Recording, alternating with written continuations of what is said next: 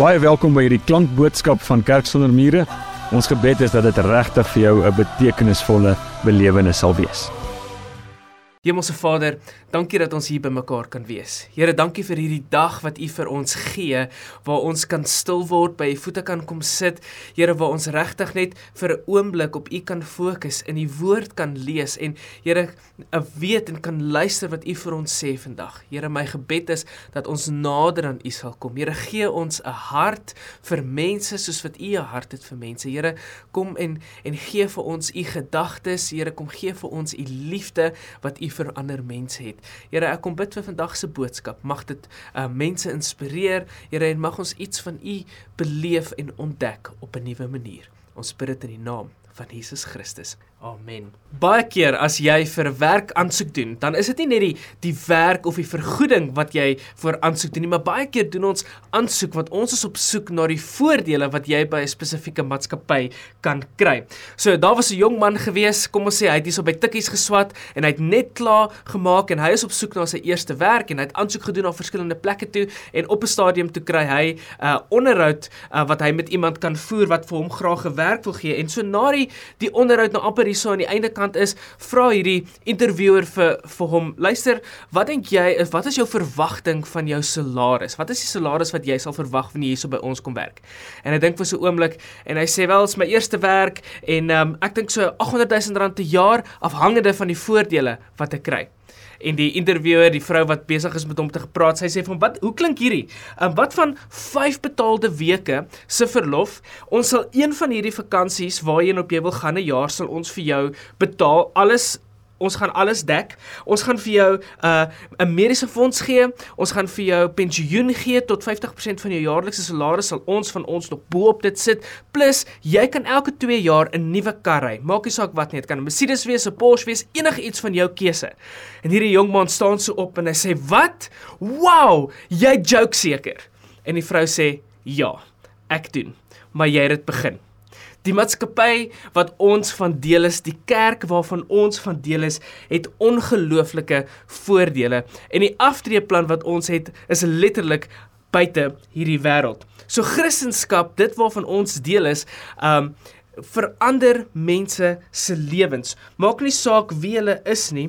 Um en wanneer ons vir hulle hierdie produk gee, dan is dit ook wanneer ons vir hulle hierdie voordele verduidelik van Christendom, dan net soos hierdie jong man, dan is mense soos, "Wow, jy joke seker."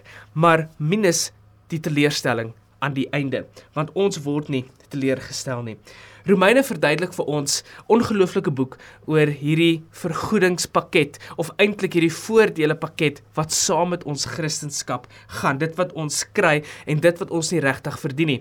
In Romeine 4 ehm um, uh, doen Paulus die volgende: Hy sit die hele wêreld onder verhoor.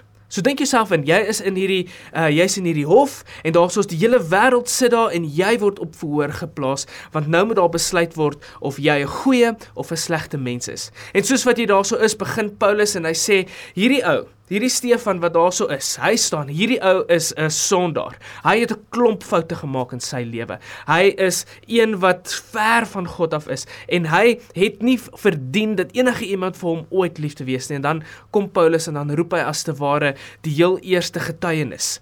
En as hierdie eerste getuienis wat hy roep, dan is dit Moses en Moses kom en hy stap in met die wet. En hy hou die wet vas en hy kyk so na die wet en hy sê Stefan, uh, Stefan het hierdie en hierdie en hierdie en hierdie wet gebreek en hy dit oor en oor en oor en oor gedoen.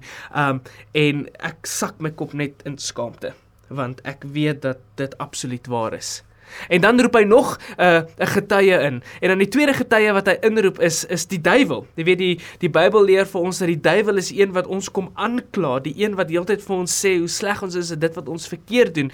En hy word opgeroep en hy kom getuig oor my lewe. En die duiwel weet weet van al hierdie hierdie uh skeletons in the closet. Jy weet hy het al die die vuil goed op my. Hy weet presies wat ek in my lewe weggesteek het. Al die geheime wat in my lewe is, weet hy presies en hy begin getuig van dit een agter die ander, agter die ander, agter die ander. En ek voel my gemoed net in in skoene sak. En ek weet dat al hierdie goeters is waar. Dit is al hierdie goeters wat ek gedoen het. En dan skets Paulus die prentjie verder en dan kom my um, my verteenwoordiger, my prokureur as te ware en hy kom op en hy staan op en hy gaan na die regter toe wat voor is en wat nou die besluit moet maak of ek skuldig is of onskuldig is en eintlik dink ek dit ek weet dat ek is skuldig. Maar hierdie regter wat ag hierdie uh prokureur wat vorentoe stap na die regter, hy sê hierdie hierdie hierdie wintie prokureur wat weet ek gaan nou vir hierdie regter probeer wys, jy weet wat is reg en wat is verkeerd nie.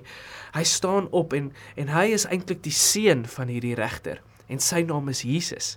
En omdat hy die seun is van hierdie regter gaan gaan leun hy so oor hierdie bank waar die regter sit en hy sê: "Pa, ek wil net vir jou sê dat die die doodstraf vir vir Stefan is betaal. Uh, ons het nie nodig om hom verder te straf nie want want hieso is my my bewyse as te ware wat ek het my evidence wat ek het. Dit wat ek vir jou voorgee hieso is my bloed. My bloed wat op die kruis gevloei het. Dit was genoeg. En dit is hoekom ek gesê het it is finished. Dit is dit is klaar. Dit is genoeg. En u was tevrede daarmee en op daardie oomblik dan is die regter daarso en dan kry hy die glimlag op sy gesig en dan vat hy daai hamertjie en dan slaan en dan sê hy vrygespreek. En dit is wat hy vir my sê. Jy is vrygespreek. Jy is vry. Jy kan maar gaan. Jy hoef nie um verder hierso te wees nie. Ons gaan jou nie verder gevangene hou nie. Jy is geregverdig Maar hierdie vergifnis, dit wat ons gekry het, dit dit is nie waar dit stop nie. Dit eindig nie net hierso nie. Paulus gaan verder en dan en beskryf hy wat is die voordele wat ons kry saam met hierdie pakket wanneer ons deur Christus vrygemaak is, vrygespreek is en wanneer die regter wanneer God sê jy is nou vry, vrygespreek, dan sê hy vir ons 'n paar goed. En ek gaan so net so vier goeters noem vandag en, en ons gaan lees in, in Romeine 5, soos jy jou Bybel het, kan jy um, dit sommer saam met my volg. Ek lees uit die Nuwe Lewende Vertaling. Um en ek gaan net so ek gaan dit sommer lees en dan gaan ek stukkie vir stukkie terugkom. So Romeine 5 5 vers 1 tot 8. En dit sê wat Paulus skryf. Hy sê: "As mense wat deur God vrygespreek is omdat ons glo, het ons nou vrede met God op grond van wat Jesus Christus ons Here gedoen het. Deur Jesus Christus het ons, deurdat ons glo, toegang verkry tot hierdie heerlike posisie van genade waarin ons nou ons bevind en ons jubel vol verwagting oor die heerlikheid wat God aan ons gaan gee. Dis egter nie al nie. Ons jubel self in ons swaar kry, want ons besef dat die swaar kry ons leer om te volhard. Op sy beurt kweek volharding betroubaarheid van karakter en betroubaarheid van karakter versterk ons toekomsverwagtinge. En hierdie toekomsverwagtinge sal ons nie teleurstel nie, want ons weet hoe lief God ons het. Ons het sy liefde mos in ons harte uitgestort deur sy Heilige Gees wat hy aan ons gegee het. Ja, juist toe ons nog totaal hulpeloos was, het Christus vir ons, die goddeloses, kom sterf. 'n Persoon sal kwaliek bereid wees om vir 'n regverdige mens te sterf. Miskien sal jy nog kans sien om vir 'n besondere goeie mens te sterf. God laat lyk wat lyk sy wat blyk sy liefde vir ons egter daarin dat Christus ons kom sterf het ten spyte daarvan dat ons nog sondaars was. Die heel eerste ding wat um, ek wil by stil staan van hierdie voordele pakket as te ware wat saamkom is die feit dat ons vrede het. Daarso in vers 1 waar hy sê um, ons is God ons is deur God vrygespreek omdat ons hom glo en ons het nou vrede met God. En en dit is nog 'n baie belangrike een. Hoekom hoekom vrede? Wat gaan hier so aan? Watter vrede het ons nodig? As jy regtig die Bybel nou keurig bietjie gaan deurlees in die Ou Testament en die Nuwe Testament, maak nie saak nie, veral waar Paulus skryf in die eerste gedeeltes van van Romeine, dan beskryf hy dat daar is 'n vyhandigheid en verhouding tussen mens en God. Daar is hierdie vyhandigheid tussen ongelowige en God. Um ons is as te ware in oorlog met mekaar. Hoekom? Want want ons as onheilig, as vuil, as sondaars, ons kan nie in 'n 'n 'n verhouding so soos wat ons daar lyk met 'n heilige God staan nie. Dit is onmoontlik en die sonde wat in ons lewe is, die sonde wat ons lewens oorheers, dit maak dat daar 'n vyhandigheid in 'n oorlog as te ware tussen ons en God is. Nou baie mense sal sê, hoorie maar ek voel nie dat ek in oorlog met met uh met God is nie. Um ek is nie kwaad vir God nie. Ek is ek is nie in in 'n oorlog met hom nie. Wat 'n vyhandigheid praat jy van? Jy sien, maar die verhandigheid is gaan dis nie 'n gevoel of enigiets oor oor hoe jy voel nie. Dit gaan oor wat die waarheid is, die die die stand van ons verhouding tussen ons en God. Jy mag dalk sê jy's nie kwaad vir God nie, maar as ongelowige is God kwaad vir jou. Dit is wat die Bybel as te ware vir ons leer. Maar dan gebeur daar iets. Hierdie uh Jesus se offer, offer wat hy gegee het wat ons nou-nou oor gepraat het, hy kom bring dit en dit bevredig vir God. En wanneer dit vir God bevredig, dan doen hy iets. En in Engels is die woord vir vir vryspraak justification. En en dit is eintlik um vir my dit so beskrywend, dit was beskrywend in Afrikaans, maar is ook baie beskrywend in Engels van wat dit beteken is. Hy sê ek justify jou. Ek gee vir jou iets wat jy nie verdien nie. In in Engels sal sê um he makes you right with me. So as ek en jy in 'n vyhandige verhouding teenoor mekaar is en ek spreek jou vry, dan sê ek hierdie verhouding tussen ons, dit is nou reg. Ek maak dit reg tussen ons. En dit is wat God doen. Met die bloed van Jesus Christus wat Paulus so oorskryf en dit waar ons so getuig hierdie vrede wat ons beleef dit is vrede wat kom as gevolg van hierdie vrygespreek hierdie justification die feit dat ons verhouding nou reggestel is. So dit beteken die vyhandigheid wat God teenoor jou en my gehaat het dit word weggevat. Ons is nou in right standing met God. Ons staan voor God en wanneer hy na ons kyk is hy nie meer kwaad vir ons nie, maar hy's lief vir ons.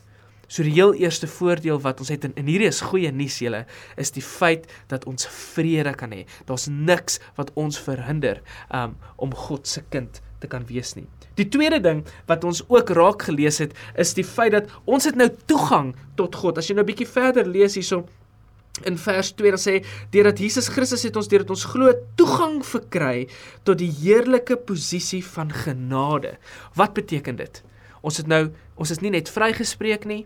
Ons is nie net vergewe nie. Ons het nie net vrede met God nie, maar ons het ook nou toegang tot God. Ek het nooit hierdie geweet nie. Maar in die Ou Testament, as jy baie fyn gaan lees, dan sal jy sien dat daar was eintlik 'n afstand ingebou tussen God en sy volk Twee voorbeelden. Toe God um, met Moses hulle almal gesels op die berg Sinai en Jesus sit teenwoordig of God sit teenwoordigheid is bo op die berg en Moses moet opgaan soontoe en God roep hom op, dan sê die Here vir hom 'n paar goed. Hy sê vir Moses: "Moses, jy moet vir die volk sê hulle mag nie nader kom nie. Hulle moenie opkom nie. Hulle mag nie teen die berg uitklim nie. En self hierdie mense wat jy saamgebring het, hierdie 70 mense en en die leiers wat jy saamgebring het, hulle moenie te naby kom nie. Hulle moet daar staan. Dit is ver genoeg. Hulle mag my nie verder approach nie. Net jy mag nader kom." Aan my. Die res moet daarso bly. So bly ver weg. Hulle soos gesê het, die die Jode mag nie eers teen die berg op opgeklim nie. So daarso is hierdie hierdie ontoeganklikheid vir die mense, die volk na God toe. Dit was ver. Dit was hierdie onheilige mense mag nie naby die heilige God gekom het nie. Nog 'n voorbeeld. As jy kyk na die tempel Daar was spesifieke reëls en regulasies gewees wanneer jy na die tempel toe moes gaan. As jy 'n heiden was, dan mag jy net aan die buitekant gestaan het. Jy mag nie ingegaan het nie. Jy is vuil, broer. Jy is vol sonde. Jy mag nie naby kom nie. Jy mag nie naby ons heilige God kom nie. So net so ver. Dit is tot al wat jy mag kom. En dan die volgende stapie was vrouens. Vrouens mag dalk 'n bietjie nader gegaan het, maar daar was ook 'n lyn. Jy mag nie verder kom as hierdie nie. En dan vir die gewone man, jy mag ook net tot hier kom en nie verder nie. Die priesters kon nog nog 'n bietjie verder gaan, maar hulle kon nie tot in die heilige van die heiliges ingaan nie. Net die hoëpriester kon daar ingegaan het en selfs hy wou nie daar ingegaan het nie. Hulle moes hom met 'n tou vasmaak en klokkies, so as hy sou doodgaan, dan of as hy ja, as hy as hy in God se teenwoordigheid sal inkom en dit nie kan weerstaan nie, dan het hulle hom uitgetrek. Ons sien ander kere in die Ou Testament as iemand net naby aan God kom, ehm um, onthou julle daai geleentheid waar die ark geval het en toe die toe die persoon die ark so wil vashou uh, om hom net sodat hy nie op die grond moet val nie, toe gaan hy dood. So daar was 'n skeiding gewees tussen die heiligheid van God en die onheilige volk wat nie versoen kan word mekaar nie. Daar was iets van 'n ontoeganklikheid.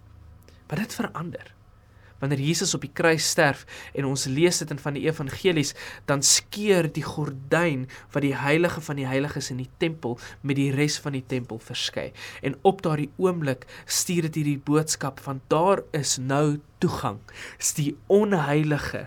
Die onheiliges kan nou verhouding hê met die heilige God. En en wanneer jy in die Nuwe Testament lees, dan is dit oor en oor en oor is dit hierdie aanmoediging om 'n verhouding met God te kan hê. Hoekom? Want vir die eerste keer het ons toegang tot hom. Vir die eerste keer kan ons toetree tot hom. Vir die eerste keer kan ons naby hom gaan sit en by hom wees. Dit is vir my ongelooflik dat dit kon gebeur het. Nie net dit nie, maar daar gebeur 'n derde ding. Ekskuus, en die derde ding is as jy nou verder lees in in daai vers 2 met die die B gedeelte, dan dan praat hy nou van die toegang wat ons verkry het en dan uh, en dan sê hy waar ons ons nou bevind en ons jubel vol verwagting oor die heerlikheid wat God aan ons gaan gee. En daar is iets wat hy praat van hoop. Julle hoop kyk in die toekoms is. Daar is iets waarop ons kan hoop. Hy verander ons verhouding van ver, hy verander ons verhouding van vyhandigheid, hy verander daai verhouding van vyand na kind. En nog verder, hy verander dit na erfgenaam.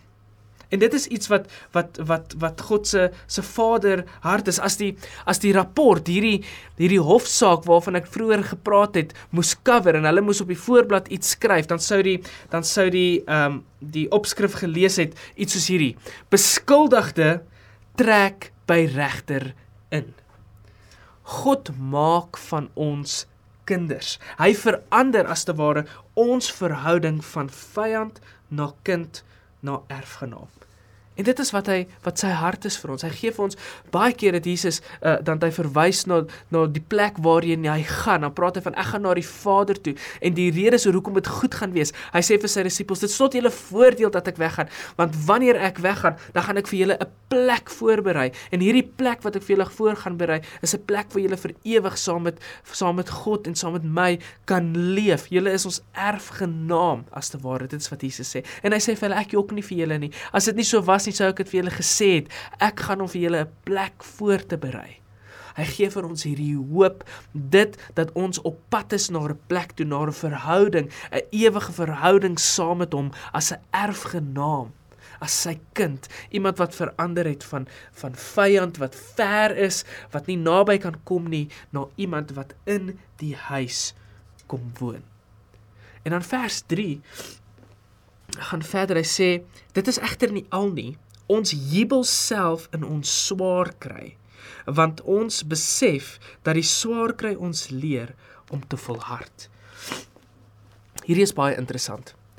Hy hy sê hierdie hoop wat ons het, ons toekoms waarna ons kyk, dit na waarheen ons op pad is. Selfs wanneer dit met ons sleg gaan, is die hoop vir die toekoms en die hoop dat ons saam met Christus en God gaan wees so groot dat dit as te ware um uh die lig is vir hierdie donker gedeelte in jou lewe in in in jou lewe.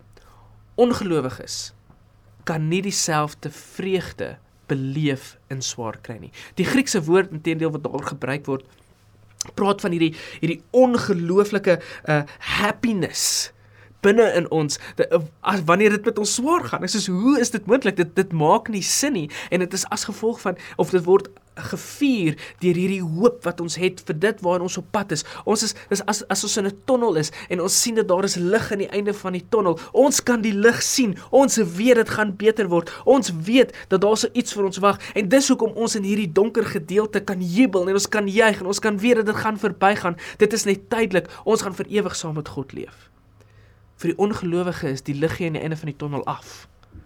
Daar is nie hoop nie. Daar is nie 'n toekomsplan nie. Daar is niks wat so hoop bring aan die einde van die donker tonnel nie. En dit is hoekom hy sê dat ons het hoop en dit maak van ons spesiaal.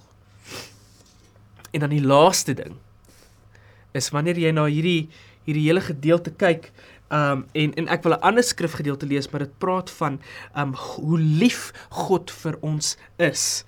En dit is die liefde wat God nie net vir my het nie, maar die liefde vir ander mense. En die feit dat hierdie liefde um nie net by my moet bly nie, maar dat dit um as te ware gegee word vir die mense rondom my. En ek wil lees uit 1 Johannes 4 uh vers 7 tot 11. Dit is dis ongelooflik. Dit praat van God se liefde hart as te ware vir mense. Dit gaan so. Hy sê geliefdes, laat ons mekaar aanhou lief hê want volmaakte liefde is van God afkomstig.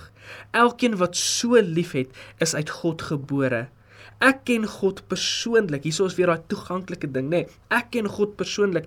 Elkeen wat nie so liefhet nie, ken God nie persoonlik nie, omdat God liefde self is. Op hierdie manier het God sy volmaakte liefde aan ons bekend gemaak toe hy sy enigste seun na die wêreld toe gestuur het sodat ons deur hom die lewe kan ontvang. Dit is volmaakte liefde. Nie dat ons vir God liefgehad het nie, maar dat hy ons liefgehad het en sy seun as versoeningsoffer gestuur het om ons sonde weg te neem. En dan vers 11 is vir my so mooi. Dit sê geliefdes, as God ons dan so tot die uiterste toe liefgehad het, moet ons ook mekaar tot die uiterste toe lief hê.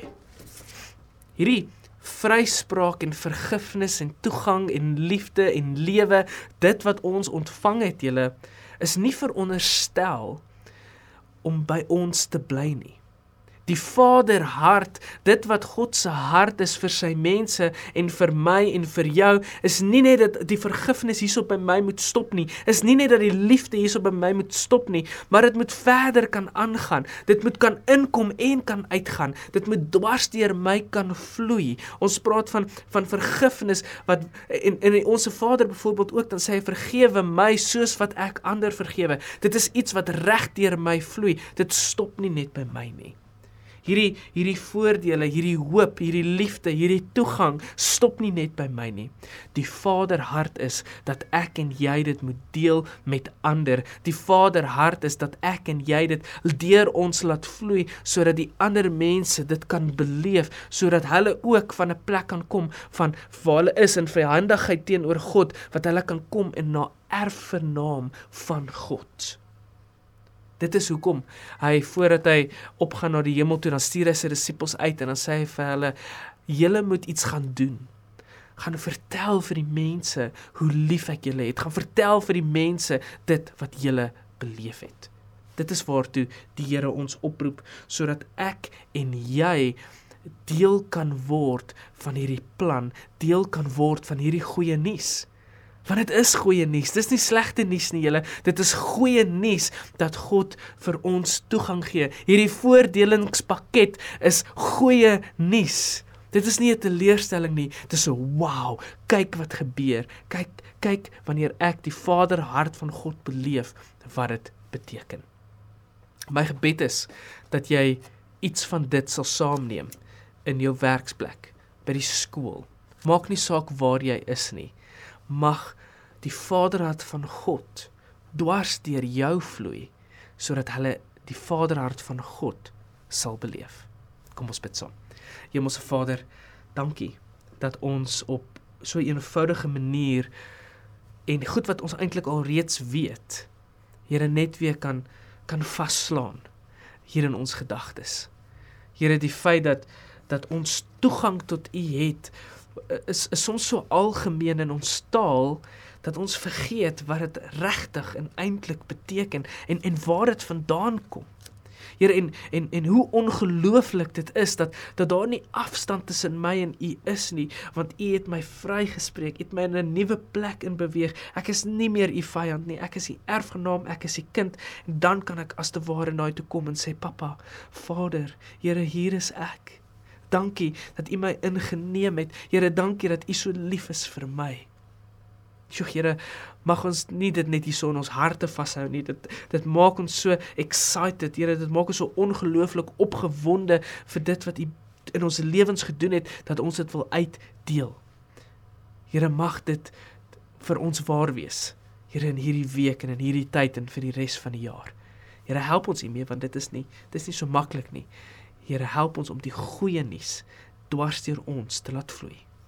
Amen. Indien hierdie boodskap vir jou iets beteken het, dan wil ek vir jou vra, deel dit asseblief met iemand wat jy ken. En moet asseblief nie vergeet nie, ons sal jou bitter graag wil verwelkom by ons in-persoon eredienste op Sondag. Vir meer inligting oor Kerk sonder mure, is jy baie welkom om ons webtuiste te gaan besoek of ons op sosiale media te volg.